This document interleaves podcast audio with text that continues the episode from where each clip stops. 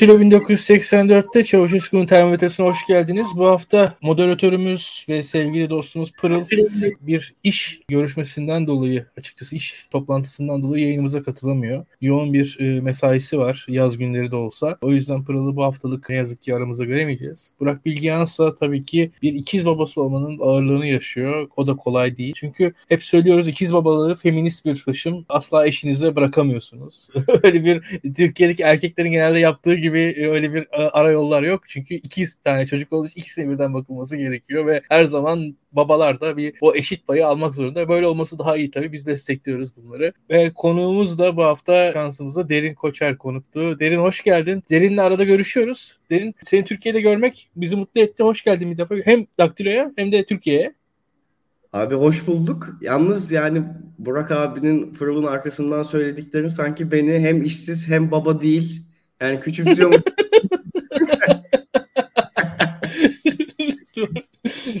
yok şimdi senin kariyeri anlatmaya kalksak insanlar kıskanırlar. Çok şeye gerek yok şimdi. tamam. Geri vites diyorsun. Tabii.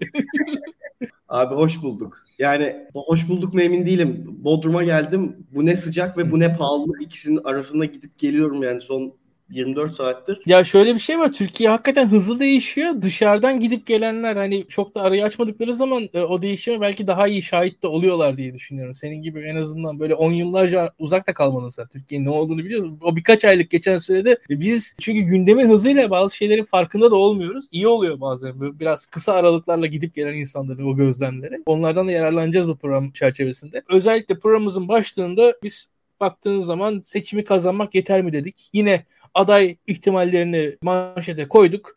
Ama aslında şunu biliyoruz ki senin yazdıkların var. Konuştukların, yerdiğin röportajlar var. Çıktığın zaman çıktın televizyon programlarına çıkıyorsun, radyo programlarına çıkıyorsun. Orada seni dinliyoruz. Her zaman diyorsun ki yani burada muhalefetin paradigmasında bir sıkıntı var. Sen baştan beri bunları söyledin. Yani ve yani bir yıldır falan bunları söylüyorsun. Yani böyle tekil bir hadise için veyahut da yani Ali değil Veli, Veli değil Ali falan tartışmaları da yapılıyor muhalefette bence. Onlar da bence sati. Yani şöyle söyleyeyim. insanlar tabii ki herkesin bir tercihi olabilir. Zaten herkesin bir tercihi var ama o tercih kadar değerli. Yani onu da söylüyorsun sen. Senin bir çerçeven var. Bir o çerçeveyi sen bize bir anlat istiyorum ben. Ondan sonra beraberce açalım. Açalım. Yani aslında burada muhalefetin paradigması dediğimiz şey artık neredeyse yani siyasetle yakından ilgilenen insanların kabuslarında birbirini böyle boğmaya kalkan Cumhurbaşkanı aday adayı olduğunu kendilerine de itiraf etmeyen filan hani bir takım kişiler üstünden giden ve kişiler ve dedikodular üstünden giden aslında bir durum var. Benim burada genel olarak söylediğim şey kişilerin popülaritelerinin önemsiz olduğu konusunda bir iddiada değilim ama kişiler kadar ya da aday adayları kadar aslında bu adayların adaylıkları açıklandıklarında nasıl bir platform, nasıl bir politika platformu üzerinden seçimi ilerletecekleri konusunun önemli olduğunu düşünüyorum ve şu anda aslında temel eksiğinde bu olduğunu düşünüyorum. Yani muhalefetin bir lider eksikliği olduğunu söyleyen herhangi bir insana zaten denk gelmedim. Yani bu belki 2018 seçimlerinden önce aday o mu olacak yok işte efendim Erdoğan'ı çıldırtacak aday kim filan gibi tartışmalar yapılırken aslında o tartışmalar birazcık adaysızlıktan kaynaklanan tartışmalardı. Şimdi ise adayların çokluğu sadece dedikoduya dönmeye başladı. Halbuki baktığımızda e, neticede iş seçime geldiğinde insanları ikna etmek bir kişinin kendi yakışıklılığı ya da karizması üzerinden değil hangi öncelikler, hangi siyasi önceliklerle hareket edeceği üzerinden, efendime söyleyeyim suçla mücadelede nasıl bir politika izleyeceğinden, ekonominin yani artık malum hale gelmiş sorunlarıyla hızlı bir şekilde, hızlı reçete olarak ne vaat edeceğinden, e, sağlık sisteminde işte insanlar 6 ay sıra beklemesinler, nasıl hızlı reformların uygulanacağından ibaret bir takım somut politikalara ihtiyaç duyacaklar. Ve bunu şunu da unutmamak lazım ki mesela 2019 yerel seçimlerinde İstanbul Büyükşehir Belediye Başkanı seçilirken Ekrem İmamoğlu aslında buna benzeyen bir takım somut politika programları üzerinden bütün kampanyasını yürütmüştü. Tabii ki bütün ülkeye dair konuşurken her mahalleye kreş açmaktan bahsetmek mümkün değil ama neticede insanların çok günlük hayatlarını işlemiş derin ve artık kendilerini paralize eden bir takım sorunları var. Ve muhalefetin şu anda yani bir takım köşe yazarlarına yazdırılan yazılar, dedikodularla efendime söyleyeyim bir takım kendilerini araştırma şirketi diyen ama aslında PR çalışması yapan şirketler de her ne hikmetse hep o bir adayın yani X adayın X aday adayının karizmasının çizildiği güne denk gelen ve o gün yayınlanan anketle o kişiyi öne çıkartma çalışmalarıyla filan sonuçta bu yapılan şeyler muhalefetin muhalefete propagandası noktasına geldi artık. Ben bunu aşmanın gerektiğini ve muhalefetin kendi popüler olabileceği, kendi popülaritesini olabildiğince yükseltebileceği politika programlarını çalışmasını gerektiğini ve o araştırma şirketlerinin de artık yapılmamış kampanyalar, ilan edilmemiş seçim üzerinden yani bilinmeyenlerin bilinmeyenleri üzerinden e, insanları değil bu politikalar araştırmaları gerektiğini düşünüyorum. Yani çok basit bir şekilde sokağa çıkıp e, bin kişilik bir ankette bile CHP'nin ekonomiye dair nasıl bir politikası var diye sorulduğumuzda ya da bu böyle politikadan, politikadan haberdar mısınız diye sorduğumuzda aslında alınacak cevap e, olası Cumhurbaşkanı aday adaylarının da elinin nerede güçsüz olduğunu gösterecektir. Çünkü insanlar bu politikalardan haberdar değiller, ben de haberdar değilim. Demek ki ortada bir politika yok. Aslında işte bu, bu sorunların çözülmesi gerektiğini düşünüyorum ve bu sorunlar çözülmeden de seçim kazanılsa bile ülkenin ne kadar yönetilebileceğine dair soru işaretleri olacaktır insanların. Ve eminim ki aslında Cumhurbaşkanı Erdoğan'ın kampanyası da yani kendi içlerinde bu sorunları aşamıyorlar, ülkeyi yönetecekler gibisinden bir noktaya evrilebilecektir. Bunun da önünün alınması gerektiğini düşünüyorum. O yüzden de paradigmanın birbirini boğazlayan aday adayları üzerinden değil, kim aday olursa olsun e, üzerine kampanyasını kurabileceği bir takım somut politikalar üzerinden e, siyaset yapmaları gerektiğini düşünüyorum. Derin sen daha önce Independent'ta yazmıştın. Sonra Politik Yolda yazdın. Genelde birazcık da enteresan bir şekilde çok da yakın bir geçmiş olmasına rağmen geçmişe bakan yazılardı. Yani Muharrem İnce'nin kampanyasından geriye ne kaldı? Bugün bakarsak mesela Cumhuriyet Halk Partisi zamanında Merkez Türkiye falan demişti değil mi? Hatırlayalım. Çok da geçmişte değil. Ama şu son, arkasında hiçbir zaman tekrar etmedi bu söylemi diye düşünüyorum ben. Ve programlar, projeler, vaatler varsa da yani orada da şöyle bir durum var. Bir, bir ısrar yok ortada benim gördüğüm kadarıyla muhalefet cephesinde. Çünkü iktidarın mesela bir küçük sözü olduğu zaman elinde mesela biz bir yandan da eleştirerek söylüyoruz. Mesela yerli işte yerli otomobil gecikiyor diyoruz ama bir yandan da şu 12 yıldır söyleniyor bu. Yani yerli uçak eleştiriyoruz olmadı diyoruz. Yok böyle bir şey diyoruz. 12-13 yıldır söyleniyor bunlar. 2023 hedefleri tutmuyor diyoruz. Doğru tutmuyor. Ama 2023 hedefleri 15 senedir tekrar ediyor bu insanlar. Yani ve e, iletişim meselesinde de bu tekrar önemli. Gerçekten de hani bur- burada bu işin ABC'si tekrar. Yani bir defa söylem tutarlılığı ve söylem devamlılığı yok. Yukarıdan aşağı bir entegrasyon ben göremiyorum bir defa zaten. Yani genel başkan bir gün o gün işte o gün için gereken söylemi söylüyor. Biz mesela hatırlayalım dolar tekrar patladığı zaman Kemal Kılıçdaroğlu işte hükümeti erken seçime zorlamak için bir Mersin mitingi yaptı. Orada muz üreticilerin sıkıntılarından bahsetti. Ben heyecanla izledim. Yani hakikaten bakın şurada şöyle bir mesele hani muz üreticilerin sıkıntıları için muz üreticilerine destek verilebilir ithalatla kısıtlı. Hiçbir ideolojik noktasında değilim meselenin. Ama şu var orada ki platform onun için kullanıldı açıkçası. Yani e, madem çok mühim bir meseleymiş muhalefet açısından sürekli tekrar etsinler o meseleyi. Biz de diyelim hakikaten muz meselesinde halledeceğiz yani. Hani o da yok. Veyahut da kesinlikle bunu tekrar etmesinler bence.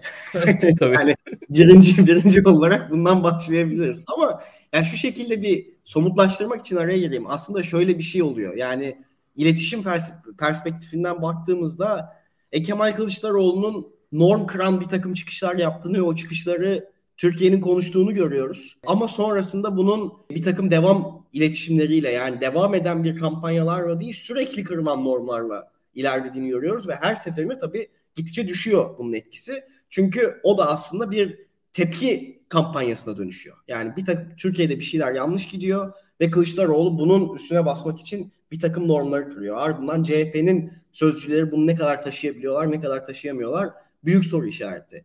Ya da Meral Akşener'e baktığımızda yani çok reklamlara sıkışmış bir takım iletişimlere bazen e, sıkışabiliyorlar. Yani ki bu da reklamlar kötü olduğu anlamında söylemiyorum ama mesela az kaldı gibi kampanyalar iyi bir kampanya olduğunu düşünüyorum ama bunların aslında sürekli devam eden, sürekli kendisini tekrar eden ve insanları da yani Akşener ve İyi Parti efendime söyleyeyim serbest piyasayı önceliklendirerek efendime söyleyeyim e, yüksek istihdamı ve iyi maaşlı istihdamı önceliklendirerek bir takım ekonomi büyümesinden bahsediyorlar. Ya da Cumhuriyet Halk Partisi'ne baktığımızda işte yüksek gelir gruplarındaki faizlerin arttırılarak bir geçiş döneminin sağlanmasından bahsediyorlar gibi gibi çok somutlanabilecek bir takım önermeleri olması gerekiyor. Zaten bu partilerin kendi içerisinde de düşünen insanları bu önermeleri aslında sahipler.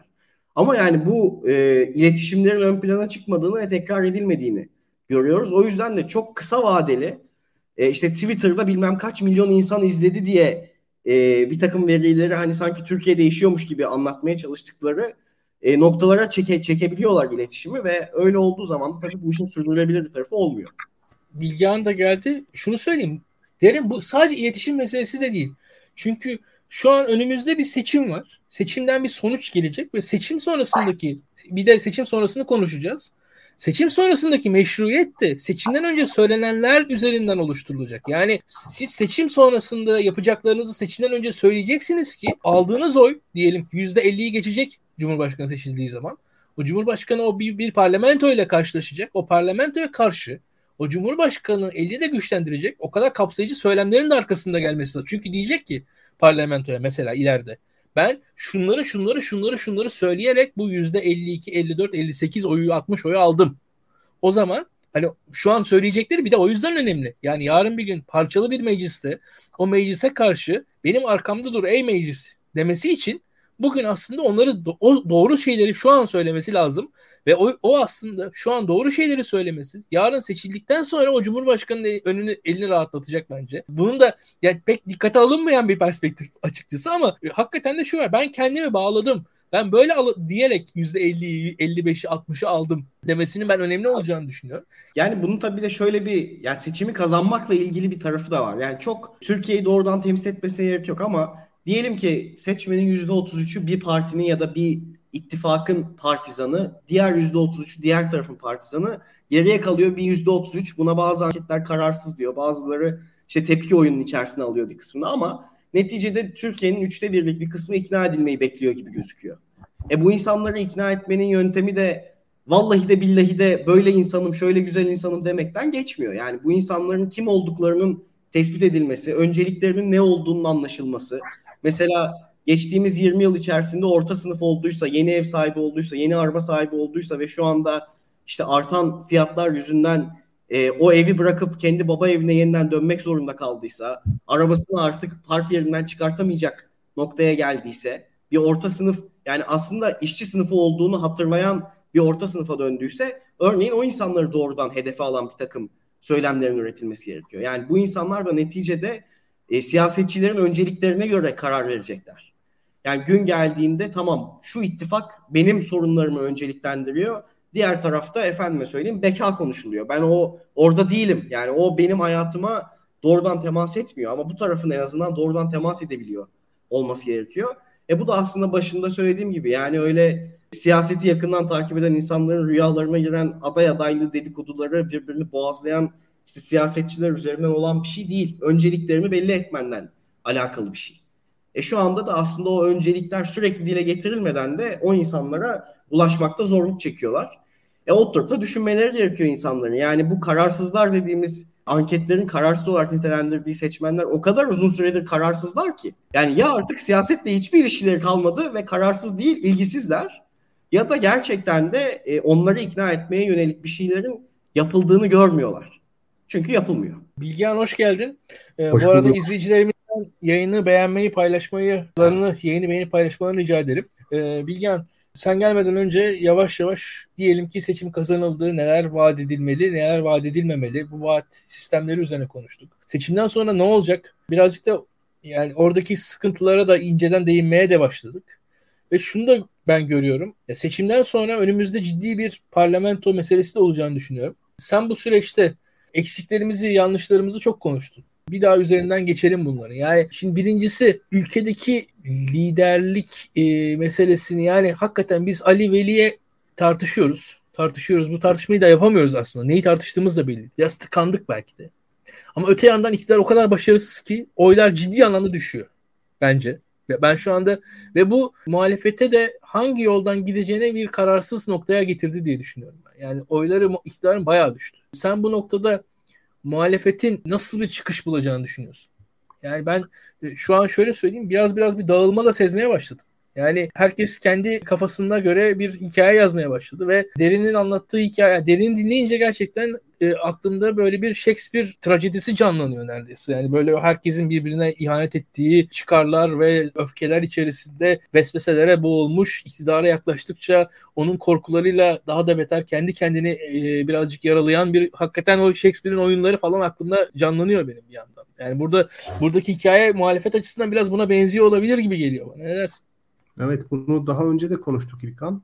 Hükümetin korkutuculuğu azaldıkça muhalefetin aktörlerinin de birbirleriyle olan uyumu ve ilişkisi azalacak. Siyaset biliminin temel kanunlarından bir tanesi. Hani güç dengesi diye bir şey varsa uluslararası sistemde bunu iç politikaya uyarladığımız zaman aynı sonuca ulaşıyoruz. Yani AKP'nin tehdit ediciliği azaldıkça ona karşı bir araya gelmiş aktörlerin de birbirleriyle olan ilişkisi daha netameli hale geliyor. Çünkü kabul edelim bugün %45-50 bandında bir AKP olsaydı muhalif blok arasında herhangi bir uyumsuzluğun olması söz konusu değildi. Çünkü artık orada bir hayatta kalma meselesi var. Ama AKP'nin seçimi kaybedeceği kesinlik kazandıkça muhalefetin aktörleri arasındaki siyaset de hızlanıyor.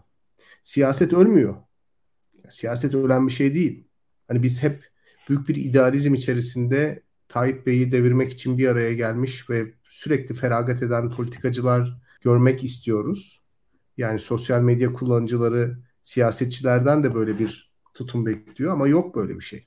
Çünkü siyaset başlı başına çıkarların maksimize edildiği ve aktörlerin olabildiğince güçlerini arttırmak için birbirleriyle rekabet ettiği bir bir doğa durumu. Özellikle Türkiye gibi bu rekabetin çerçevesinin çok muğlak çizildiği, yani kurumsal devletin zayıf olduğu, oyun kurallarının, rekabet kurallarının ciddi anlamda partilerin güçlerine göre esnediği veya sıkılaştığı bir ülkede hakikaten her aktör olabildiğince hayatta kalma garantisi ister. Olabildiğince gücünü maksimize etmek ister. Bu muhalefetin aktörleri açısından da böyle. Yani oyunun dışında kalmak kimse istemez. AKP sonrası dönemde kimse hakkından daha azına razı olmaz. Ve e tabi herkes de olabildiğince gölgesini büyük göstermek ister. Yani oy oranının ötesinde etki sahibi olmaya çalışır. Bu yüzden bir karmaşa yaşıyoruz. Yani mesela kendisini hiç almadığı oyun temsilcisi olarak gösteren aktörler var. Yani henüz almadığı oyun temsilcisi olarak gösteren aktörler var. Huzursuz muhafazakarlar ya da memnuniyetsiz muhafazakarlar dediğimiz bir kitle var. Bu kitlenin aslında bir parti tercihi yok şu anda. Ama işte Gelecek ve Deva partilerinin bir anlamda ağırlığı varsa bu kesimi temsil ettikleri için ağırlıkları var. Ee, öte taraftan mesela İyi Parti'ye baktığınızda aslında yükselen bir grafiği var fakat hepimiz çok iyi biliyoruz ki altılı masadan veya muhalefetten ayrıldığı zaman bu grafik düşüşe geçecek. Sadece oradayken yani kazanma ihtimali varken bir sağ parti olarak aslında insanları kendisine çekebiliyor. E, Cumhuriyet Halk Partisi'ne baktığımızda e, Tayyip Bey'in seçimi kesinlikle kaybedeceğine ikna olduktan sonra olabildiğince Kemal Bey'in adaylığı üzerine yoğunlaşan bir Cumhuriyet Halk Partisi görüyoruz. Ve Kemal Bey'in adaylığını da elitler arası, seçkinler arası bir mütabakatla sağlamak, tabana bu şekilde sunmak gibi bir strateji güdüyorlar. Şimdi burada hepsinin başka hesapları var ve bu hesapları bir arada uyumlandırmak zorundayız. Mesela %20 oy almış bir İyi Parti karar alma süreçlerinde kolektif bir uyum arayacak mı? Yani Ali Babacan'ın söylediği gibi bütün atamalar, bütün imzalar kolektif kararlarla mı alınacak? Diyelim ki Deva Partisi %2 ya da 3 oy aldı. İyi Parti %20 oy aldı. CHP de %25 oy aldı. Böyle düşünelim. Böyle bir sistemde CHP ve İyi Parti seçmeni %2 oy almış Deva Partisi ile eşit oy hakkına, eşit karar hakkına sahip olmaya ikna olacak mı? Hepsinden önemlisi bu aslında milli iradeye uygun mu acaba? Şimdi siyaset ölmüyor. Siyaset devam ediyor. Ve Tayyip Bey'in düşüşü hızlandıkça bu da hızlanacak. Bunlara hazırlıklı olmak gerekir. Çünkü Tayyip Bey'in oy oranı %30'ların altına indikçe e, artık seçimi kazanmak bir mesele olmaktan çıkıyor. Bunun adını koymak lazım. İyi bir aday, iyi bir yol haritası, iyi bir program falan değil. Yani zaten kendi kendisine seçimi kaybeden bir aktörden bahsediyoruz. Dolayısıyla bunların anlamsızlaşması muhalefette rekabeti arttırıyor. 2019 yerel seçimlerini hatırlayın partilerin birbirleriyle o seçim sürecinde yaşadığı hiçbir uyumsuzluğa şahit olmamıştık.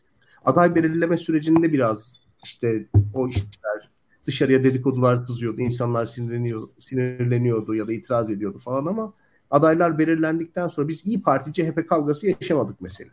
Hadi bunu da geçelim. Saadet Partisi'nin topa girdiğini görmedik. İşte Kemalistlerin topa girdiğini görmedik. Ultra Nationalistlerin topa girdiğini görmedik. HDP içerisinde çok fazla Öcalan mektubuna kadar çatlak ses çıkmadı. Çünkü bir hayat memat meselesiydi. Yani o seçim kaybedildiği zaman Türkiye aslında fiili olarak Rusya'ya dönebilirdi. Yani biz bugün çok komik aslında böyle İmamoğlu'nun ve Mansur Yavaş'ın seçim başarılarını küçümsemek hakikaten komik. Çünkü bu başarılar olmasaydı şu anda Türkiye'yi ben hakikaten hayal edemiyorum. Çok daha karanlık bir dönem yaşıyor olabilirdik.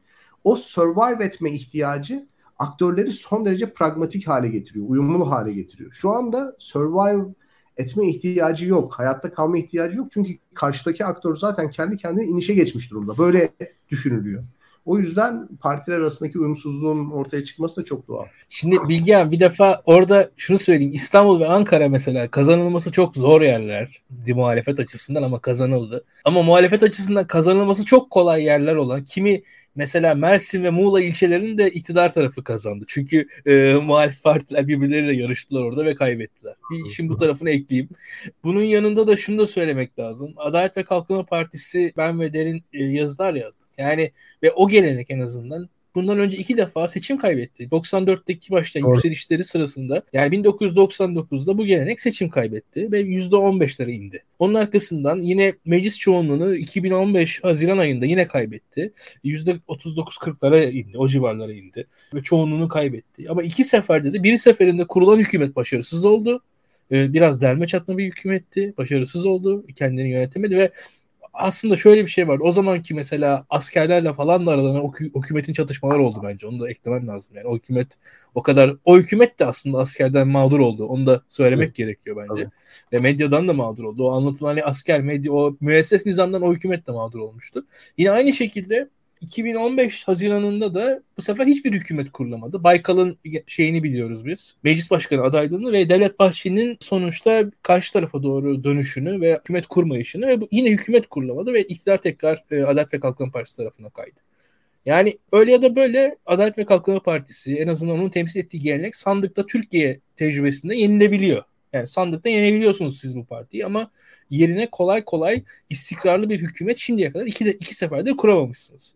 Öyle ya da böyle şunu biliyoruz biz. Ankara'da ve İstanbul'da beğenelim beğenmeyelim şu an tekrar seçim olsa muhalefet yine bu belediyeleri alır diyebiliyoruz biz güvenle. Yani en azından o güven şimdi mesela Ankara'da yani şöyle saygın bir muhalif aday çıktığı zaman saygın bir AKP'li adayı yener diyebiliyoruz. İstanbul'da mesela şöyle başarılı bir ilçe belediye başkanını alsak, aday olarak koysak, arkasına AKP'nin de İBB grup başkan grup başkanını koysak karşısına yener diyebiliyoruz mesela yani açıkçası. Çok da tahmin edebiliyoruz bunu. Oradaki belli bir doğrultuyu, sosyolojik olanla siyasal olanın oturduğunu artık görebiliyoruz orada, o şehirlerde. Ama bu, bu açıdan ben Türkiye'de rahat değilim. Yani bu şu an senin için de buna cevap vermek kolay değil ama yani gerçekten de şu var. E, doğru düzgün yönetilmesi lazım. Biz güçlendirilmiş parlamenter sistem konuştuk çok fazla şekilde ve böyle ya da böyle güçlendirilmiş parlamenter sistem siyaset elitlerine dair bir şey. Aynen yani öyle. güçlenen parlamenter sistem siyaset elitlerinin sıkıntısı. Yani Ama vatandaşın normal bir şey İlkan. Yani Tabii. o altı aktörü bir araya bir arada tutabilmek için olabilecek en soyut, en normatif fikir üzerinde anlaşmak gerekiyor. Yani somutlaştıkça mesela bu meseleler somutlaştıkça ayrışma artar. Bunun en somut hali Cumhurbaşkanı adayı tabii ki. Ama yol haritası, uygulanacak ekonomi politikası, bürokraside yapılacak temizlik yani bunlar daha somut konular. Oradaki mesele somutlaştıkça ayrışma da artacak. Şimdi ayrışmamaları için hepsi en soyut, en normatif noktada uzlaşmaya çalışıyorlar. O da halkın derdine derman olmuyor. Yarasına merhem olmuyor. Yani halkın öncelikli talebi parlamenter sisteme geçiş değil. Yani bizim yaşadığımız sorunların sebebi başkanlık sistemi olabilir. Fakat bu sorunlardan kurtulmak başkanlık sisteminden parlamenter sisteme geçmekle mümkün olmayacak. Ya bunu bilmek lazım. Yani şu anda yaşadığımız sorunları başkanlık sisteminden dolayı yaşıyoruz. Fakat başkanlık sistemini terk ettiğimiz zaman bu sorunlar kendiliğinden çözülmeyecek. Bunu idrak etmek lazım. Daha net konuşmaya da hiç kimsenin bence o altılı masadaki aktörlerin çok da fazla niyeti mi yok desem, cesareti mi yok desem. Çünkü daha somut konuşmaya başladıkları zaman çünkü ciddi anda politika yapmaya başlayacaklar ve birbirleriyle çatışmaya başlayacaklar. E, o yüzden ben muhalefet partilerinin de bu uyumu korumak için biraz frene bastıklarını düşünüyorum. Açık konuşmak gerekirse. Mesela çok e, üzerinde durulmuyor ama bu tezkere meselesinde, Irak-Suriye meselesinde İyi Parti ve Cumhuriyet Halk Partisi arasında bir fikir ayrılığı oldu. O günlerde hani Ankara'yı iyi bilen insanların hissettiği çok ciddi bir gerilim vardı. Cumhuriyeti seven birisinin bu tezkereye evet demesi mümkün değil dedi Kemal Kılıçdaroğlu. Hemen arkasından Meral Akşener çok ciddi anlamda PKK'ya hedef alan bir konuşma yaptı ve Kemal Bey alelacele öğleden sonra çıkıp iktidarları döneminde çok ciddi anlamda sınır ötesi operasyonlar yapacaklarını söyledi. Şimdi bu tip gerilimler mesele somutlaştıkça artar. Çok normal bir şeydir. Önemli olan ama ittifakı kurmakta kurmak isteyen partiler için önemli olan bu somut meseleler üzerinde uzlaşmak zaten. Yani parlamenter sisteme geçişte uzlaşırsınız. 6 tane anayasa profesörü bir araya gelir. Parlamenter sistem aşağı yukarı nasıl güçlü bir şekilde işler bunun taslağını yapar. Türkiye'de şu ana kadar böyle yüzlerce taslak yapılmış. Mesele bu değil ki. Mesele bu masayı felsefi bir ittifaktan, felsefi bir masadan siyasi bir masaya çevirmek. Şimdi halen daha ortada bir karakter sorunu var. Yani bu altılı masanın bir seçim ittifakı mı olduğu, siyasi bir ittifak mı olduğu, yoksa değerler üzerinden mi bir araya geldiği belli değil. İşte DEVA ve Gelecek Partilerinin Millet İttifakı'nın parçası olup olmayacağı. Bunlar belli değil. Ya bir karakter sorunu var. Çünkü somutlaştıkça muhtemelen talepler ortaya konacak talepler ortaya kondukça da ayrışma artacak. Bir de somutlaşmasını istememe gibi bir tavır var. Yani olabildiğince mesela başkan adayı tarif ediyoruz farkındaysanız. Olabildiğince soyut, hiç kimsenin itiraz edemeyeceği özellikler ortaya koyuyor. İyi bir insan olması, temiz bir insan olması gibi. Şimdi bu tip kavramlar yani böyle soyut başkanlık tanımları, başkan adayı tanımları ya da parlamenter sisteme geçiş gibi aslında hiç kimsenin itiraz edemeyeceği çizgiler üzerinde uzlaşmaya çalışmak halka hiçbir şey söylemiyor. Yani bunun bunun Türkçesi bu. Halka hiçbir şey söylemezseniz kimse itiraz etmez. Ama onların oyunu da almanızın bir garantisi yok. Burada bu hani nasıl desem bu tavrın aslında sebebi de bir anlamda Tayyip Erdoğan'ın kendi kendine iktidarı kaybediyor oluşu. Yani muhtemelen halka hiçbir şey söylemeden seçimin ilan ediliş tarihine kadar hiçbir somut öneri de getirmeden bu ittifakı bir arada tutup zaten kaybeden bir hükümete karşı bir aday çıkartıp artık oradan seçimi kazanabileceklerini düşünüyorlar. Aksi takdirde bir siyasi çizgi üzerinde uzlaşma arayışı bir dağılma getirecek. Böyle bir korku var anladığım kadarıyla. Ama tabii şunu es geçmemek lazım. Yani bu e, çok soyut ve herkesin üzerinde anlaşabileceği bir takım meseleler üzerinden kurulan ittifakın ardından kurulacak hükümetin de neticede sadece parlamenter sisteme geçmekte değil, bugünün sorunlarına çözüm üretmekle ilgili tabii, de bir sorumluluk tabii, olacak. Ve yönetmesi lazım tabii. O sorumluluğu üstlenmedikten ya da üstlenemedikten sonra aslında İlkan'ın demin söylediği gibi yani 2015 Haziran'ında ya kurulamamış bir hükümetin cezasını hemen birkaç ay sonra kesen halk yani işte bugün nasıl Halk TV'den ya da işte Cumhuriyet'ten Sözcü'den vesaire biz Cumhurbaşkanı adaylığına dair bir takım şeyler duyuyorsak, e, dedikodular duyuyorsak e, 2023 sonrasında ya da seçim ne zaman olursa sonrasında yönetilemeyen bir Türkiye'ye dair de aslında dedikoduları Yeni Şafak'tan duyacağız bu defa. Duyacağız tabii. Yani çünkü e, neticede insanlar bugün yaşadıkları sorunlara çözüm bekliyorlar ve bu çözüm gelmediği müddetçe e, bu işin bir sürdürülebilirliği de olmayacak. Yani az önce söylediğin gibi parlamenter sisteme geçince bütün sorunlar ortadan kalkmayacak. Ya da parlamenter sisteme geçiş süreci yani neticede yani 23 Haziran'da seçim yaptık. 24 Haziran'da parlamenter sisteme geçtik gibi matematikte mümkün olmadığı için o geçiş sürecinde de insanlar bu sorunlarla yaşamaya devam edecekler. Tabii. Ve yani o geçiş süreci boyunca insanlar sorunları katlanarak büyürse parlamenter sisteme geçtikten sonra parlamenter sisteme geçiren aktörlerin yok olduğu bir sistem bile e, neticede çıkabilir işin tabii, sonunda. Tabii. Tabii. Yani bugün bir belgesel izliyordum ve çok paralellik kurdum. 11 Eylül ile ilgili George Bush'un gözünden o gün nasıl geçti? Yani o 24 saati anlatan bir belgesel yapmışlar. 20. yıl dönümünde 11 Eylül'ün ve şeyi gösteriyor. Yani bir ilkokulda Florida'da bir ilkokulda işte yeni öğren yeni okuma yazma öğrenen çocuklarla birlikte e, kameralara poz verirken bir anda ekibinden biri geliyor kulağına ve işte hı hı. ikinci kulenin de bir uçak tarafından vurulduğunu söylüyor ve o anda George Bush'un yüz ifadesi aslında ya ben şu anda ne yapacağım? Yani şu an karşımda bir takım çocuklar bana nasılsın iyi misin cümlelerini yazmaya çalışıyorlar ve ben savaşa giren bir ülkenin cumhurbaşkanı olduğumu fark ediyorum diyor. Yani yüzünden okunuyor bu ifade ve aslında şöyle bir riskle karşı karşıya çok soyut anlaşmalar üzerinden bir araya gelen bir ittifak da somut sorunlar bir anda Cumhurbaşkanı seçilince kulaklarına fısıldandığında o ifadeyle karşılayamazlar halkı. O yüzden aslında seçimi nasıl kazanacağı kadar seçim nasıl kazanıldıktan sonra bu ülkenin nasıl yönetileceğine dair bir takım sözler söylemeleri gerekiyor. Bir de tabii şunu da görmek gerekiyor ki o seçimi kazanmak için de o seçimden sonra bu ülke nasıl yönetilecek bunu da söylemek gerekiyor.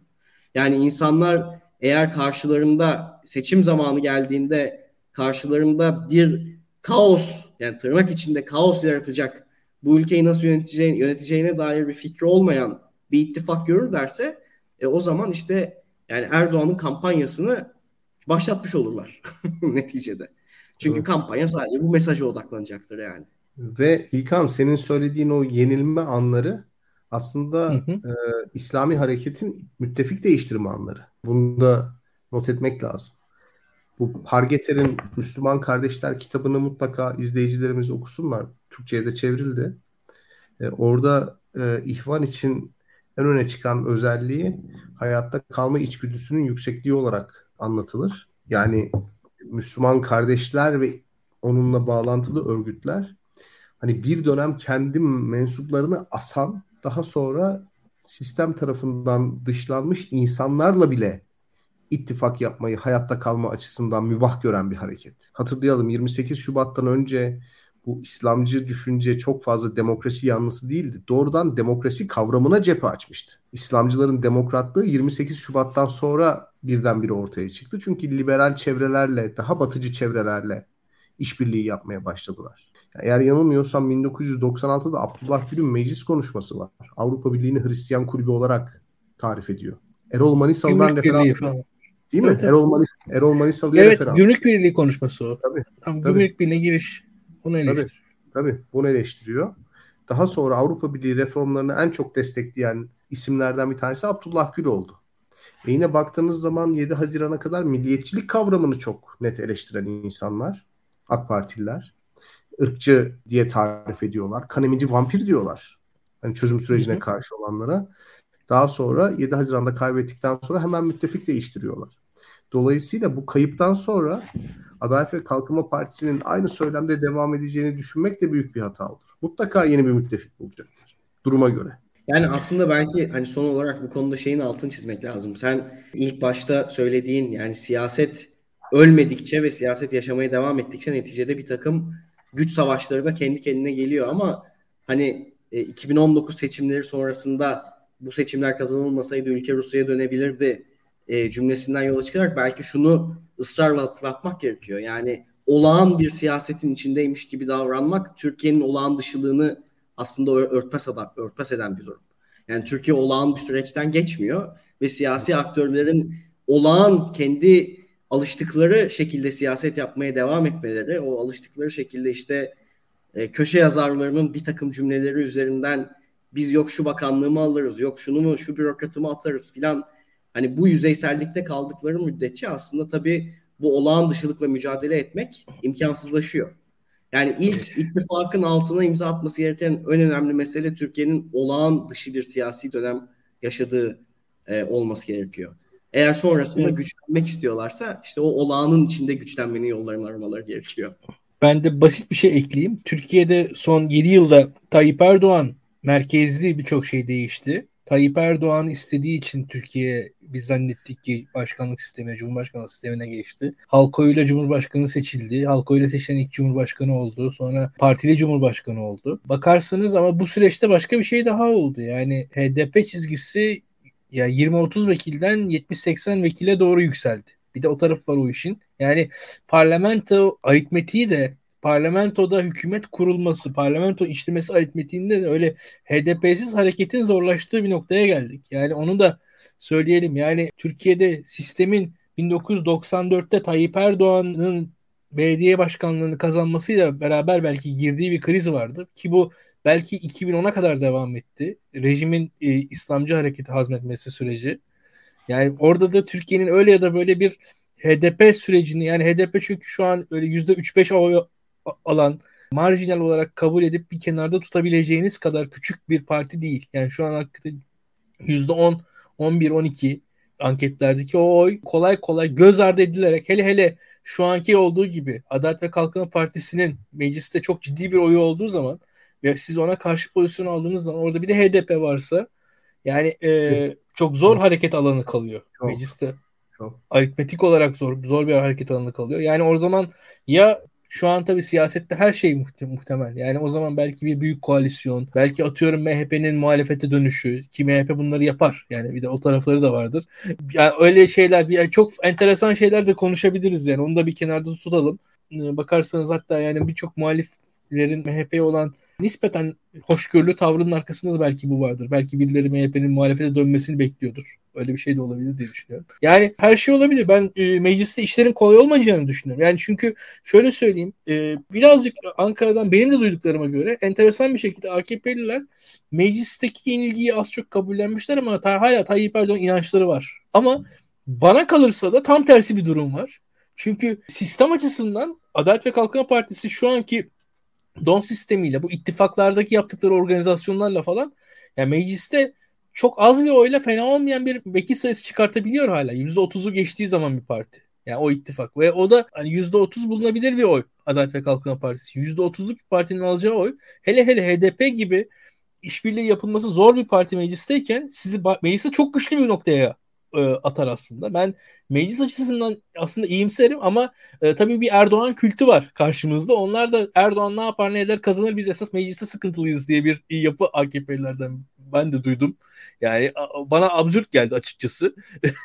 bana kalırsa hatta bence partiler daha kuvvetli şu anda. Yani MHP'nin e, ve Adalet ve Kalkınma Partisi'nin kendi şeyleri daha güçlü ama adayları bence zayıf ama enteresan bir durum var yani. Ee, onu da birkaç kelime ekleyin. Çok spekülasyon şu an bu söylediklerim ama yorum yapmak ister misiniz? Yani tabii bu meclis aritmatiğinin bahsettiğin şekilde hani Cumhur İttifakı'nın ve HDP'nin yani bu iki ittifak artı HDP'nin içinde olduğu bir mecliste neticede bir salt çoğunluk olması zor gibi gözüküyor ve öyle olduğunda da yani sizin şöyle bir seçim yapmanız gerekiyor. Biz HDP ile ya da işte Cumhur İttifakı'nın içindeki bir takım bileşenlerle birlikte masaya oturup mu bir şeyler yapacağız? Yoksa seçilmiş ve zaten sistem neticesiyle inanılmaz güçlü bir sistem üzerine oturmuş Cumhurbaşkanımız kendi kendine hani istediğini yapıp edecek ve biz de bunun altına imzamızı mı atacağız gibi bir ikileme dönüşüyor. Yani orada da Mor ve Ötesi'nin son albümünde güzel bir e, alıntı vardı şey diye.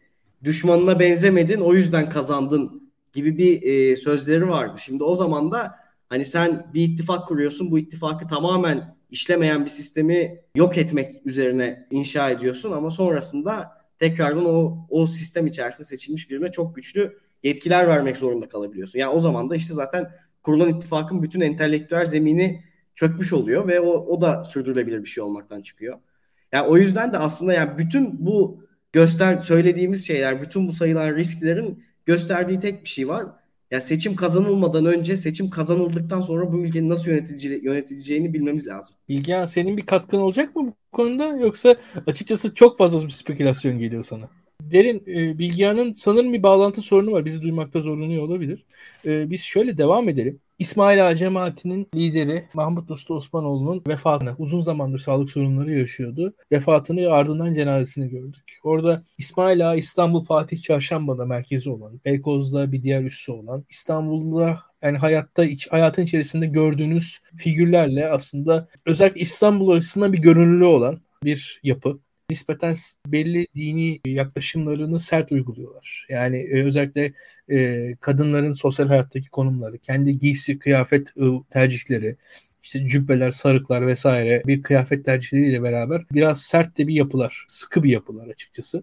Ve bir yandan da İstanbul olduklarının da etkisi olmalarının da etkisiyle devletle, siyasetle aralarında ilişkiler var. Uzun zamandan beri kurulmuş ilişkiler var. Türkiye'deki geniş ve yaygın Nakşi ağaların içerisinde kendilerinin önemli bir yeri var. Burada Erenköy, Erenköy, İsmail Ağa ve işte şey diğeri unuttum. Neyse şimdi o üç büyük Nakşi e, ağın içerisinde yani en önde gelen yapının içerisindeler bunlar. Biz bunların bu Mahmut Hoca dedikleri şahsın cenazesinde e, bir büyük kalabalıklar gördük. O kalabalıklara dair e, önemli laflar söylen, söylendi ve e, bunun üzerinden ciddi tartışmalar yaşandı. Şimdi bunun arkasından da açıkçası benzer bir sokak hikayesini bu bu hafta sonunda Pride'lar üzerinden yaşadık. Kriminalize edilmiş, suçlaştırılmış bir e, hadiseyle karşılaştık. 300'ün üzerinde 370'e yakın insan e, LGBTİ aktivisti bir şekilde gözaltına alındı. Gözaltına alınmasının ardından da uzun süre içeride tutuldu. Biraz uzatıldı işleri. Çok birçoğu da arkadaşımız açıkçası. Az çok tanıyoruz hepsini. Kimilerine yardımcı olmaya da arkadaşlarımız çalıştılar. Ama bir iki Türkiye tablosu arka arkaya gördük. Bu iki Türkiye tablosunu e, birbiriyle uzlaştırmaya çalışan yaklaşımlar entelektüeller tarafından ortaya kondu. Bu konuda bayağı yazı yazıldı açıkçası. Bilgen bir tanesini de sen yazdın bunları. Evet, evet. E, bu iki Türkiye tablosu üzerine konuşalım istiyorum. Bilgen senle baş, bir başlayalım. Bir o yazın üzerinden girelim konuya. Yavaş yavaş açalım istiyorum. Biraz bu konu üzerine konuşalım. Ya benim dikkatimi yanda yine bir sıkıntı yaşanıyor herhalde. Tamam geldim. Tarikatlar ve cemaatlerin devlet içerisindeki pozisyonu değil. Ben onun yazısını 2017'de yazmıştım zaten. Yani orada hakikaten e, bir başka bir mekanizma var. Tarikatların adeta bir komisyoncu gibi siyasetin aktörleriyle pazarlık yaparak e, bir şekilde siyasetin gücünü yeni üyeler devşirmek için kullanmaları, devşirdikleri yeni üyelerin üzerinden de siyasete gövde göstermelerini ele almıştım. Böyle bir mekanizma var. Zaten benim İlkan iyi kötü Ankara'dan edindiğim tecrübe şudur. İyi siyasetçi e, ya da bir noktada uzun süre koltuğunu koruyabilmiş insanların en büyük meziyeti bu tip işleri yapma becerileridir yani. Asla sahip olmadıkları asla hakim olmadıkları güçleri birbirine karşı kullanarak kendilerine güç devşirirler. Anlatabiliyor muyum? Devletin gücüyle mürit devşirmek, müridin gücüyle devletten daha fazla güç devşirmek, daha fazla kaynak almak gibi bir iş yapıyorlar. Tarikatlar bu bu mekanizmayı çok iyi iyi yürüttükleri için hakikaten güçlüler Türkiye'de. E, fakat mesele o değil. Yani mesele bu Mahmut Hoca'nın vefatıyla beraber bir tartışma başladı ve bu tartışma bizim aslında yabancı olduğumuz bir şey değil. Seküler muhafazakar hattının bir tar- tartışması. İşte muhafazakar politikacılar e, bir şekilde manevi dünyamızın mimarı olarak değerlendiriyor bu tip tarikat liderlerini. Öte taraftan seküler insanlar da biraz önce bahsettiğim gibi tarikatları oldukça zararlı görüyorlar. Kamu kaynaklarını bir şekilde tüketen, bu kaynakların üzerine kene gibi yapışan ve bir şekilde kendi müritleriyle hiyerarşik bir ilişki kuran, sivil toplum kuruluşu olarak kabul edilmeyecek ölçüde daha emir komuta zinciri ne benzer ilişkiler kuran e, ve bireylerin e, temel haklarını, devredilemez haklarını bu şekilde istismar yoluyla ihlal eden yapılar olarak görüyorlar. Şimdi bu bunları belki bir araya getiremeyeceğiz. Ama benim dikkatimi çeken tartışmalar yani bu tip tartışmalar bundan 15-20 sene önce daha farklı cereyan ediyordu. Yani agresif, başkasına yaşam hakkı tanımayan seküler kimliğiyle sadece kendi mahallesinde kendi tercih ettiği yaşam tarzını kimseye zarar vermeden eda etmeye çalışan muhafazakarlar gibi bir ikilem ortaya çıkıyordu.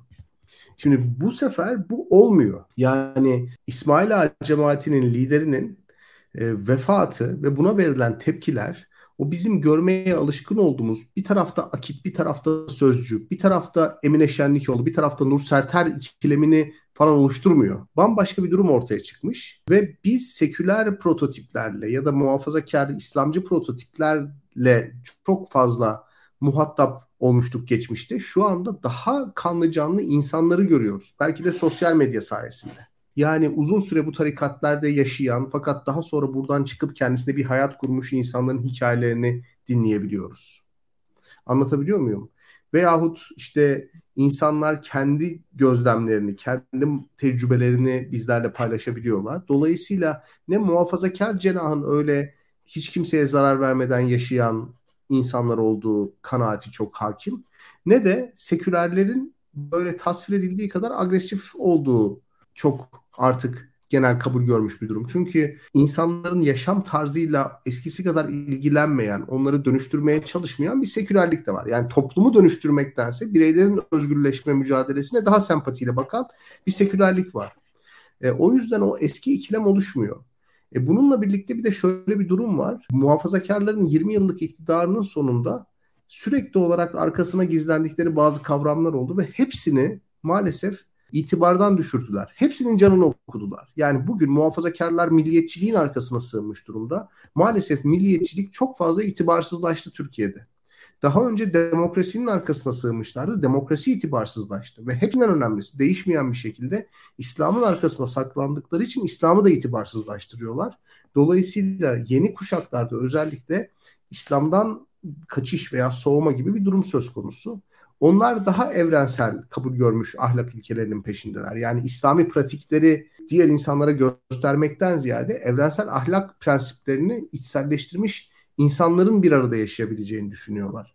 Yani namaz kılan, oruç tutan, bunu ilan eden insanların özel hayatlarında yolsuzluk yaptığını ya da başka insanları hayatlarıyla göz, gözünü kırpmadan oynadıklarını görünce bir anlamda İslam dışında ya da İslam'a paralel olarak daha evrensel bir ahlak yasasının peşinden gidiyorlar. Dolayısıyla o İslam İslamcılık ile özellikle 28 Şubat'tan sonra özdeşleşen ahlakilik, İslamcılıkla özdeşleşen diğer bütün o normatif değerler bence tuzla buz oldu. Hepsinden önemlisi 15 Temmuz hikayesi aslında iki İslami grubun birbirleriyle çatışmasıydı. Ben böyle okuyorum.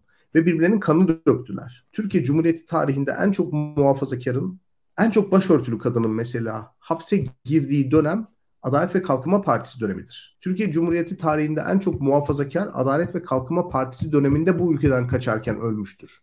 En çok muhafazakar Adalet ve Kalkınma Partisi döneminde işini kaybetmiştir. Bunlar hakikatler. Ve hepimiz biliyoruz ki 17 Aralık'tan bir gün önce yani 16 Aralık'ta Fethullah Gülen ölseydi muhtemelen bugün Mahmut Hoca'nın cenazesinde saf tutan, taziye yayınlayan sağ politikacıların neredeyse tamamı, neredeyse tamamı Fethullah Gülen için de aynı dileklerini bizimle paylaşacaklardı. Sana şu soruyu soruyor. Acaba 15 Temmuz'dan çıkartılan ders, tarikatların, cemaatlerin devlet içinde kümelenmesi mi? Bu tarikat yapılarının kokuşmuşluğu mu, yozlaşmışlığı mı? Tarikata giren insanların aklını kaybedip mankurtlaşması mı? Yani biz bu dersleri mi çıkarttık? Bunları mı sorguladık? Dolayısıyla biz bir soyutlama yaparak tarikat ve cemaatlerin kamu gücüyle olan ilişkisine dair net bir şey mi söyledik? Yoksa Adalet ve Kalkınma Partisi bir paranoya içerisinde hiçbir soyutlama yapmadan Fethullahçıları gönderip İsmail Ağacıları ya da menzilcileri mi bünyesine kattı? Bunu da görüyoruz. Bunu böyle yaptığını da biliyoruz. Dolayısıyla insanlar bu İslami hareketin asıl meselesinin İslam değil de siyasi bir sadakat olduğu konusunu düşünmeye başladım. Dediğim gibi 16 Aralık'ta Gülen ölseydi bambaşka bir durum olacaktı. 17 Aralık'ta ölseydi bambaşka bir durum olacaktı. Demek ki burada sorgulanan şey cemaat, tarikat falan değil. Burada kabul edilen veya sorgulanan şey bu tarikat ve cemaatlerin siyasi sadakati. Dolayısıyla artık kimse böyle bir İslam kardeşliği, İslam dayanışması gibi bir hikayeyi çok coşkulu bir şekilde anlatamıyor bu kadar. Bu cenazedeki kalabalık meselesiyle ilgili ben bence şunu söylemek lazım en net bir şekilde. Türkiye'de kalabalıklar üzerinden herhangi bir şey okumaya çalışmanın herhangi bir gerçekçi karşılığı olduğunu düşünmüyorum. Bunu 2018 yazında işte Cumhurbaşkanlığı seçimlerinden önce de böyle olduğunu düşünüyordum. Bunu söyleyince o zaman çok büyük tepki çekiyorduk. Şimdi ama e, aynısı bence bu cenaze meselesiyle ilgili de var. Yani şunu e, görmek lazım ki aslında bütün bu tartışmalar aslında yaratılmaya çalışılan tartışmalar. İşte Türkiye'nin özü o mudur bu mudur? Türkiye'nin özü işte cenazeye katılan mıdır, Pride'a giden midir filan gibi böyle herhangi bir somut gerçekliğe dayanmak yerine soyut bir Türkiye anlatısı kurmaya çalışan hikayelerin hepsinin birer masal olduğunu unutmamak lazım. Yani orada cenaze çok kalabalık olabilir ama Türkiye tarihinin en büyük modernleşme ve şehirleşme, sekülerleşme, makulleşme tar- e, dönemeçlerinden bir tanesini yaşıyor. Yani oradaki kalabalıklara bakıp bir tartışma üretmeye çalışmak bana hani filmin adını tersten söyleyip geleceğe dönüş değil de geçmişe dönüş yaşatmaya çalışmak gibi bir şeymiş gibi geliyor ama Türkiye geçmişe dönemez. Çünkü geçmiş yaşandı ve bitti. Ve bugün baktığımızda artık yani bugün dünyaya gelen çocukların çoğunluğunun büyük şehirlerde doğduğu, apartmanlarda doğduğu, işte o apartmanlarda bir cemaat da işte bir tarikat mensubuyla da bir LGBT bireyle de komşu olarak yaşadığı bir Türkiye'den bahsediyoruz. Şimdi bu Türkiye'ye bakıp bir cenazeden ya da bir onur yürüyüşüne nefret duymaya çalışmaktan filan Türkiye'yi anlamak mümkün değil. Yani Türkiye'nin özünün kendisi olduğunu zanneden insanların hepsi Türkiye'nin özünün hepimiz olduğunu kavraması gerekiyor. Çok Ve doğru. gerçek Türkiye hikayesi de bütün bu Türkiye'den ibaret. Yani Türkiye'nin bir takım alt kırılımlarından ibaret bir Türkiye yok. O insanlar işte şey gibi duvarları çok yüksek sitelerde yaşayıp hani işte o sitelerden ibaretmiş gibi Türkiye'yi zannetmekten ibaret. Ama o sitelerde yaşayan insanlar da görüyorlar ki 20 yıl önce aynı sitelerde bambaşka sosyoekonomik e, sınıflar yaşarken şimdi bambaşka insanlar yaşıyorlar. Ve aslında o değişime karşı durmaya çalışmak yani sosyolojiye karşı durmaya çalışmak gibi bir şey. Kolay gelsin karşı durmaya çalışanlara. Mümkün değil çünkü. Ya Derin'in sözlerine özellikle katılıyorum. Yani özellikle hatta Türkiye'nin daha olgun bir ülke olduğunu düşünüyorum ben. Bu bunca şey yaşıyoruz biz. Öyle ya da böyle hani sert yaşıyoruz siyaseti. Biraz da öğreniyoruz. Yani ben de kendi adıma öğreniyorum. Yani biraz biraz bazı lafları söylememenin gerektiğini artık öğreniyoruz. Yani e, hele hele dediğin gibi yani kalabalık yarıştırmak falan ergence hatta çocukça yani dahası. Kalabalık buradaki en basit, en kolay şey. O kadar basit bir şey ki kalabalık şöyle söyleyeyim ben yani az çok birazcık dini bilenler böyle çok kalabalıkların övülerek dinlerin anlatılmadığını bilirler açıkçası. Yani herhangi bir dinin e, takipçileri vesaire ne kadar az kişi olduklarını, ne kadar küçük küçükten başladıklarını söyleyerek kendilerini överlerdi. Böyle çok kalabalıkla övünmek de iki taraf açısından da çok e, doğru bir şey değil. Birazcık daha aslında hani, bu işi bilen insanlar kalabalıkla çok övülmezler. Biraz öyle Çünkü söyledikleri sözlerle, ortaya koydukları kavramlarla övünürler. E, haklılıklarıyla, haksızlıklarıyla övünürler. Madem böyle bir sosyal meseleleri hani bir şekilde iki kutuptan bahsediyoruz. O, o çok daha önemlidir diye düşünüyorum. Ki e, o kalabalıklar hakikaten geliyor ve geçiyor. Hayat biraz hızlı akıyor. Türkiye'de de hızlı akıyor. Biz bayağı da birikiyor ama. Bunu söyleyebilirim. Türkiye'yi biz kendi kafamızda olduğu gibi resmetmeye, kafamızdaki plana göre Türkiye'yi uydurmaya çalıştığımız zaman uymuyor. Bunu görüyoruz. Yani daha önce uymadı, şimdi de uymuyor. Türkiye'yi daha önce birileri kafalarındaki bir plana göre, programa göre sıkıştırmaya, oraya zapt etmeye çalıştılar. Zapt edilmedi. Fakat aslında bir yandan da bir başkaları da şu an zapt etmeye çalışıyor. Yine zapt olmuyor diye düşünüyorum. Çok bunun tartışması bile olduğunu zannetmiyorum. Gerçekten de bir oyun oynanıyor. İsmail Ağa tartışması tam o oyunun bence en orta noktası işte İsmail Ağa, İskender Paşa, Erenköy falan biz bunlar tarzı herkes oradan bir altlıyor, üste topluyor, çıkartıyor falan. Bu konuların işte en kralı için hep verilen örnek Süleyman Demirel. Orada çok güzel örnekler var. İşte Nurcular geliyor Süleyman Demirel'e işte bizim vekil adayları nerede diye soruyorlar. Ben varım ya diyor işte Demirel. Orada yani herkes birbirini kandırıyor. Herkes birbiriyle yani e, buradaki olay da bu. Herkes işte burada bu partilerin cemaatlerle olan ilişkilerinde zannedildiği kadar o alışverişlerin reel getirisi olmadığını herkes biliyor. Bir oyun oynanıyor aslında ortalıkta diye düşünüyorum. Bu kadro savaşının da şöyle söyleyeyim yani hakikaten işin en sonunda en pis tarafı da bu devletteki küçük kadro savaşları falan. Yani oradaki oran savaşlarına doğru dönüyor. O tarafı gerçekten üzücü. Hele hele yıllar geçtikçe bu isimler, bu ölen şahsiyet mesela 90 küsür yaşında bir insan. Ölen şahsiyete dair ilgiyi alakayı biraz düşündüm ben. Birazcık da şeyi düşünüyorlar. Yani e, o insanlar, ilgi alaka gösterenler. Sanki kendi geçmişlerini, kendi daha düzgün oldukları zamanları falan hatırlıyorlar. Belki o yaşlı insanların üzerinde. Yani e, biraz o tarafı da var o işin diye düşünüyorum. Yani şu an aslında olan bitenden çok memnun değiller o insanlardı. Ama bir yandan o e, nispeten orada bir ideal figür çiziyorlar. O da gerçek değil aslında ama en azından kendi kafalarını çizebiliyorlar. Şimdilik çizebildikleri bir sırada vefat etti kendisi. Biraz da o, o, yüzden oraya koşturuyorlar diye düşünüyorum.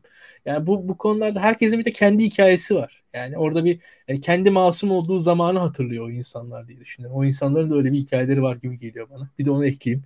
E, çünkü mesela Bilgehan da biraz Elazığlı birisi. Oradan tecrübeyle mesela Enes Kara'nın intiharı üzerine yine duygusal bir yayın yapmıştık. Ya orada şunu sezmiştim ben. Çok sayıda şu an muhalif olan dindar kökenli insan o an seküler kesimden gelen tepkiye karşı yurtları savunmaya doğru geçti. Ya neden diye düşündüğünüz zaman çok bir açıklaması yok aslında. Ya bir anda öbür tarafa geçtiler. Bir kısmı cemaat kökenliyken ayrılmış, sonrasında muhalif olmuş, daha sekülerleşmiş falan. Şunu anlıyorsunuz ama aslında o 13 yaşındaki 15 yaşındaki arkadaşlıklarını falan seviyor bu insanlar. Yani o an biraz daha kendilerini masum görüyorlar falan. Yani orada e, oradaki şu an nispeten o seküler tepkiyi hoyratça görüyor, görüyorlar diye düşünüyorum ama e, hay, hayatta bir akıyor. Hayat akıyor. Biraz bunlara insanlar sığınıyorlar. Realite sokakta devam ediyor diye düşünüyorum. Bilgehan sen bir şeyler söylemek istiyorsun galiba. E, tabii ben 90'lı yılları Elazığ'da geçirdim. Siyasal İslam'ın en cafcaflı zamanlarında. E, Elaziz gazetesi vardı mesela. Hani Milli Görüş'ün e, en önemli kliklerinden bir tanesi. Onun yakınlarında bir çay ocağı vardı. Böyle kayık sandalyelerde İslamcılar akşama kadar tartışır, gazete okurlardı. Daha sonra Türkiye'nin en büyük madosu Elazığ açıldı. 4-5 katlı bir mado. Ve benim 90'lı yıllarda işte o kayık sandalyelerde gördüğüm sürekli olarak Ali Şeriat'i okuyan, 28 Şubat'tan sonra iyi kötü milli irade, demokrasi falan tartışan, Türk siyasi tarihi üzerine mülahazalarda bulunan insanların çoğu tabii müteahhit olmuşlardı. İşte iyi bürokratik postlara gelmişlerdi ve işte sürekli olarak Mado'da istişarelerde bulunup fotoğraf çekip sosyal medyaya koyuyorlardı. Böyle bir dönüşüm. Bu çok baş döndürücü bir şey. Şehirler artık o eski Anadolu şehirleri değil ve bunu bizzat muhafazakarlar değiştirdi. Yani insanların buluşma alanlarını, karşılaşma alanlarını ticarileştiren bir şekilde muhafazakarlar oldu. Yani 90'lı yıllarda mesela çay parası olmadan gidip çay ocağında oturan ve çay içen, sohbet eden birilerini bulabilirdiniz. E, sadece küçük bir kitapçı açarak ya da sahaf açarak hayatını sürdürebilen birisini bulabilirdiniz. Böyle bir hayat vardı İslamcılar için. Bu tip insanlara da saygı duyulurdu bu arada. 90'lı yıllarda böyle paralı İslamcı çok saygı gören birisi değildi. İslamcının garibanı, kanaatkarı çok makbuldü ve bu insanların etrafı sürekli insanlarla dolu olurdu. Hatta e, ben bunu birikimdeki bir yazımda da yazdım. Akabe kitap evi vardı. Bu kitap evi ücretsiz kitap verirdi. Kütüphane gibi çalışırdı. Yani gençlere kitap verirdi, okuyup getirirlerdi insanlar. Çok enteresan bir şey. Yani ticari kaygısı yok. Yoktu. Kim destek oluyordu bilmiyorum ama böyle bir böyle bir durum vardı. Şimdi bu insanlar çok değiştiler, çok dönüştüler. Hakikaten yani o yaşadıkları şehir, şehri mahvettiler. Çoğu müteahhit oldu. Çoğu kamu ihalesi peşinde koşar oldu. Klikleştiler. Birbirlerine ihanet ettiler. Kimisi cemaatin yanında kaldı. Kimisi AK Parti'nin yanında kaldı. Kimisi Davutoğlu'nun yanında şu anda. Kimisi milli görüşte hayatına devam etti ve birbirleriyle çok hasmane ilişkiler kurdular. Dolayısıyla çok değiştirdi bu süreç onları. Onları bir araya getiren işte İlkan'ın söylediği gibi nostaljik bir şey aslında bu bu tip cenaze törenleri işte ne bileyim bu, bu tip sembol isimlerin etrafında kenetlenmek. Öyle bir durumda olabilir doğru haklısın. Ya ben bu konuda aslında hani bu kentlerin değişimiyle ilgili şöyle bir fikrim var. Yani bir Türkiye'ye bir yeni Türkiye anlatısı bu iktidar tarafından anlatıldı ama bu iktidar yeni Türkiye'nin arkasında kaldı. Yani Türkiye değişirken Türkiye ile beraber değişemediler ve aslında en büyük kriz en büyük krizlerinden bir tanesinin de ben bu olduğunu düşünüyorum. Yani artık o işte geçmişe dönüş tezleri üzerinden, geçmişe dönüş tartışmaları üzerinden Türkiye'de bir takım kutuplaşmaları alevlendirmek de tam tam da bu yüzden pek kolay olmuyor.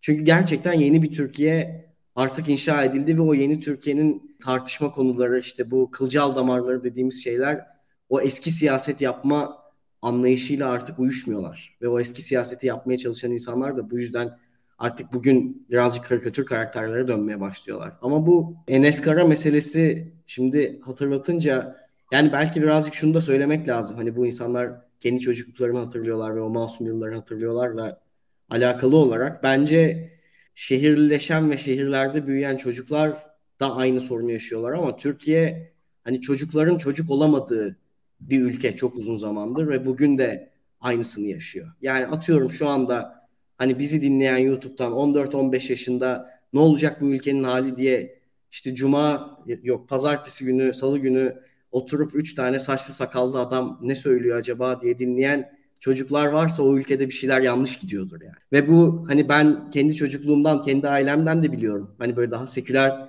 e, bir takım reflekslere sahip bir ailede hani apolitik olmanın bir küfür, bir suçmuş gibi algılandığını ben kendimde gördüm. Halbuki apolitik bir çocukluk geçirmek, apolitik bir gençlik geçirmek bir lükse sahip olmak demek oluyor.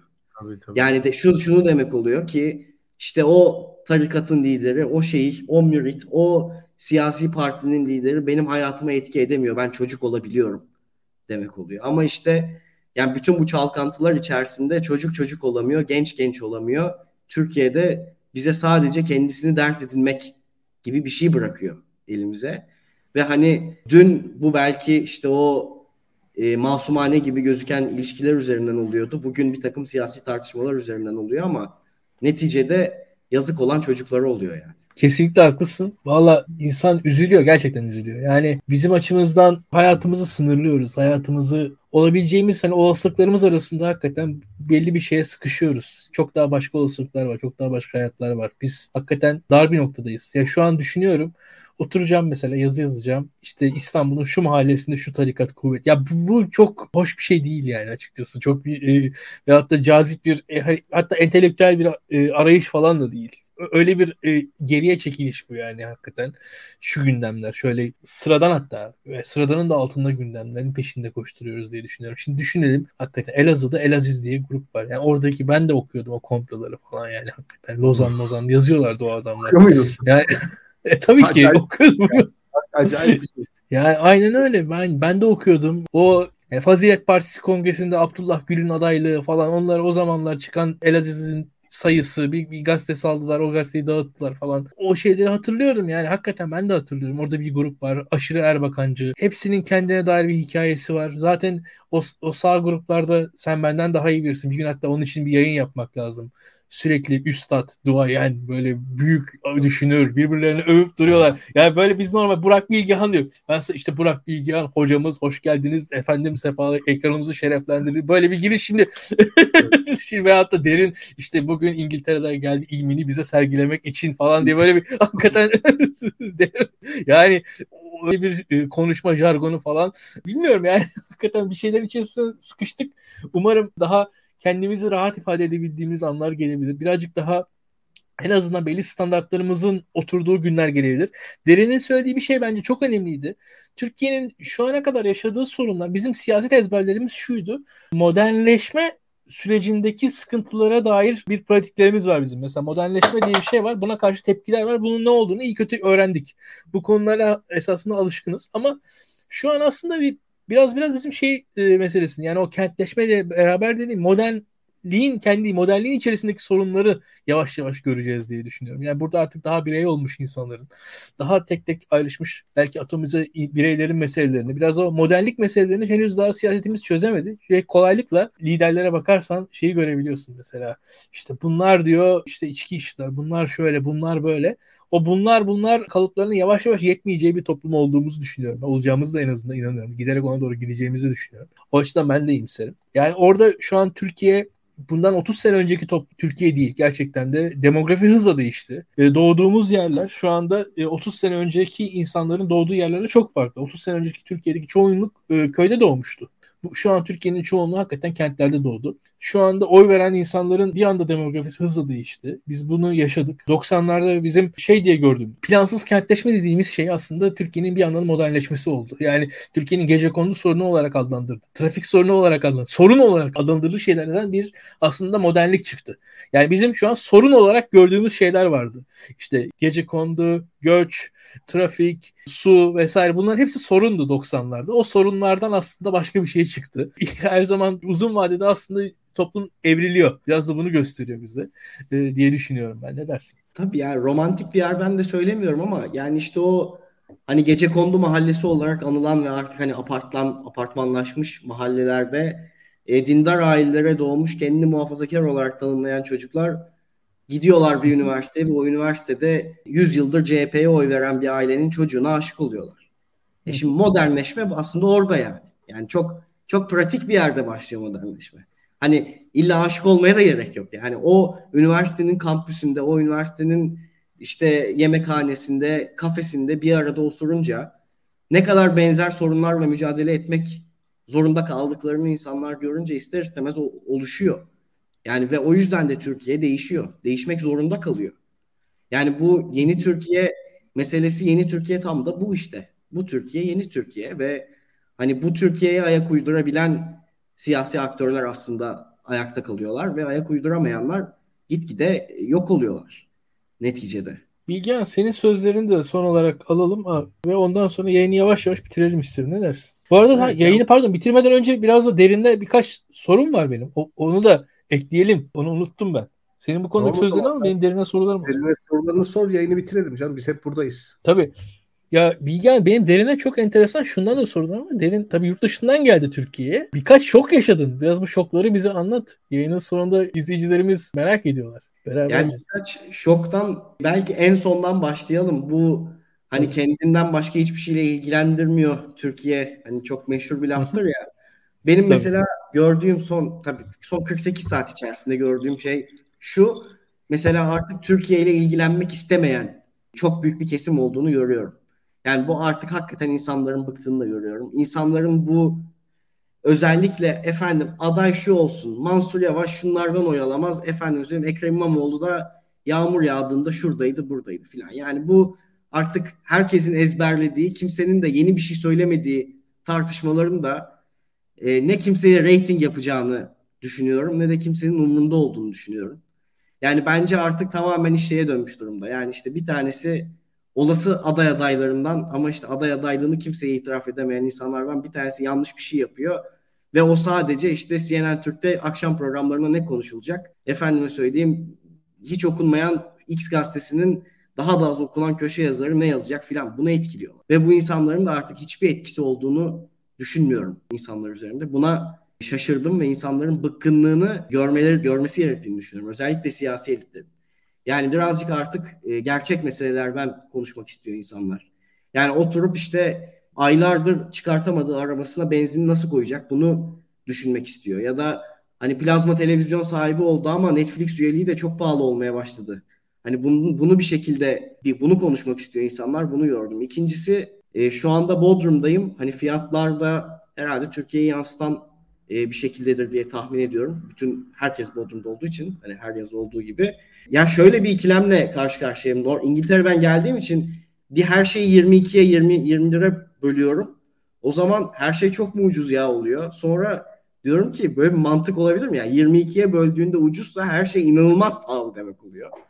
Yani çünkü aslında hani e, neredeyse İngiltere'deki market fiyatlarıyla aynı noktaya gelmiş ama insanların kazandığı para İngiltere'nin ortalama bir insanın kazandığı paranın 15'te 20'de biri filan. Bu olabilecek bir şey değil. Yani bu pahalılık bile değil artık bu bence şey fiyatın ne olduğuna dair soru işareti. Yani fiyat algısının yok olması gibi bir noktaya gelmişiz. Bir arkadaşım geçenlerde şeyi anlattı. İki kişi kahve iç kahve içiyorlar ve hani işte 100 lira gibi bir hesap geliyor ve hiç sorgulamadan ödedim diyor yani. İki kahve 100 lira olabilir çünkü.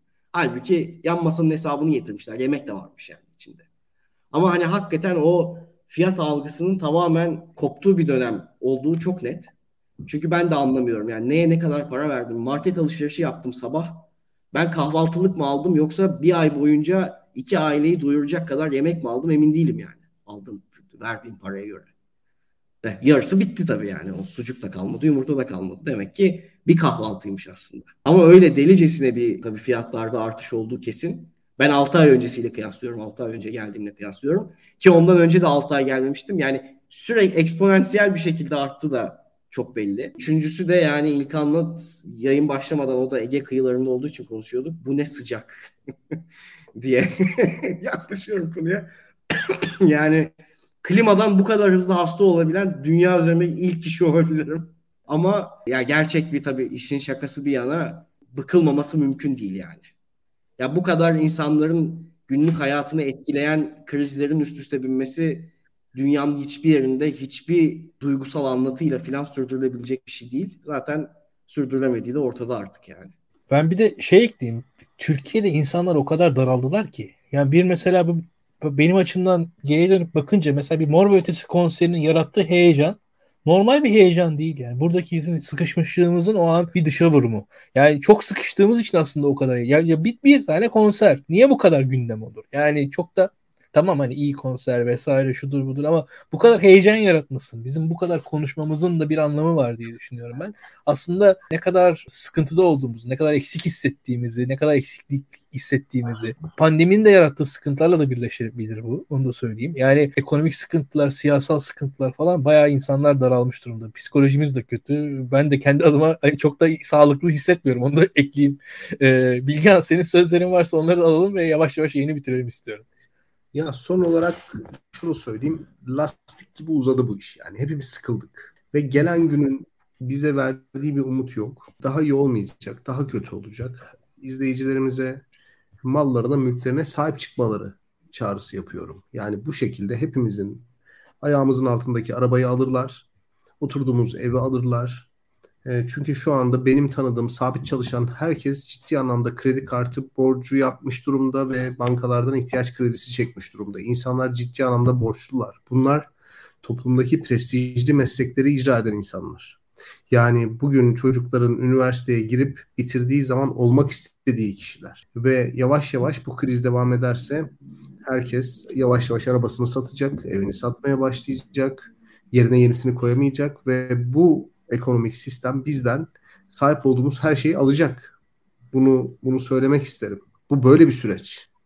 Herkes malına, mülküne sahip çıksın. Hakikaten Adalet ve Kalkınma Partisi'nin seçimi kazanma meselesinin artık anlamı yok yani. İnsanlara bir şey vaat etmeniz lazım. Kardeşim yönetemiyorsun, fakirleştiriyorsun, insanlar köleleşiyor ve halen daha 5 sene daha istiyorsun toplumdan. Ve bunu da hiçbir şey söylemeden yapmaya çalışıyorsun. Yani Ekrem İmamoğlu balık yedi falan diyerek iktidarı 5 sene daha insanları fakirleştirmeye niçin talipsin? Çünkü Ekrem İmamoğlu balık yiyor. Ya böyle bir şey, böyle bir durum. Yani ki hakikaten çok çok uzadı bu iş.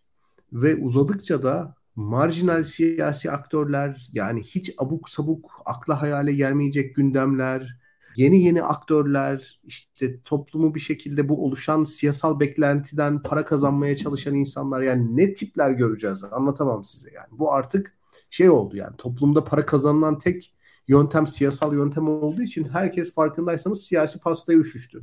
Yani son zamanlarda Twitter fenomenleri arasında siyasi yorum yapmayan yok. Mesela Hakan Ural niye siyasi yorum yapmaya başlıyor? Çünkü para orada.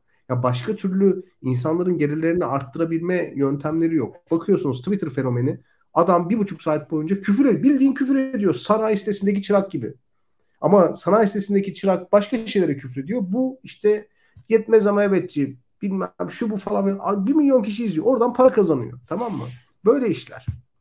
O yüzden çok sıkıldık. Yani toplumun genel psikolojisini, ruh halini mahveden bir şey yaşıyoruz. Umarım bir an evvel değişir. Herkese kolay gelsin. Vatandaşlarımıza sabır diliyoruz. Ama bir yandan da umutlu olmaya, geleceğe de güvenle bakmaya da ihtiyacımız var diye düşünüyorum ben. Derin çok çok teşekkürler. Seni Daktilo'da zaten giderek daha sık görürüz diye tahmin ediyorum. Bu seçimde ol, olduğu süreçte muhtemelen ortaklıklarımız artar. Bilgehan çok teşekkürler. Pırıl'la da haftaya tekrar burada görüşeceğiz. Bu haftalık bu kadar diyelim. Yayınımızı beğenmeyi paylaşmayı unutmayın. Yorumlarınızı okuyoruz. Eleştirilerinizi yorumlarda görmek isterim açıkçası. Kendinizi tanıtırsanız bizim için iyi olur.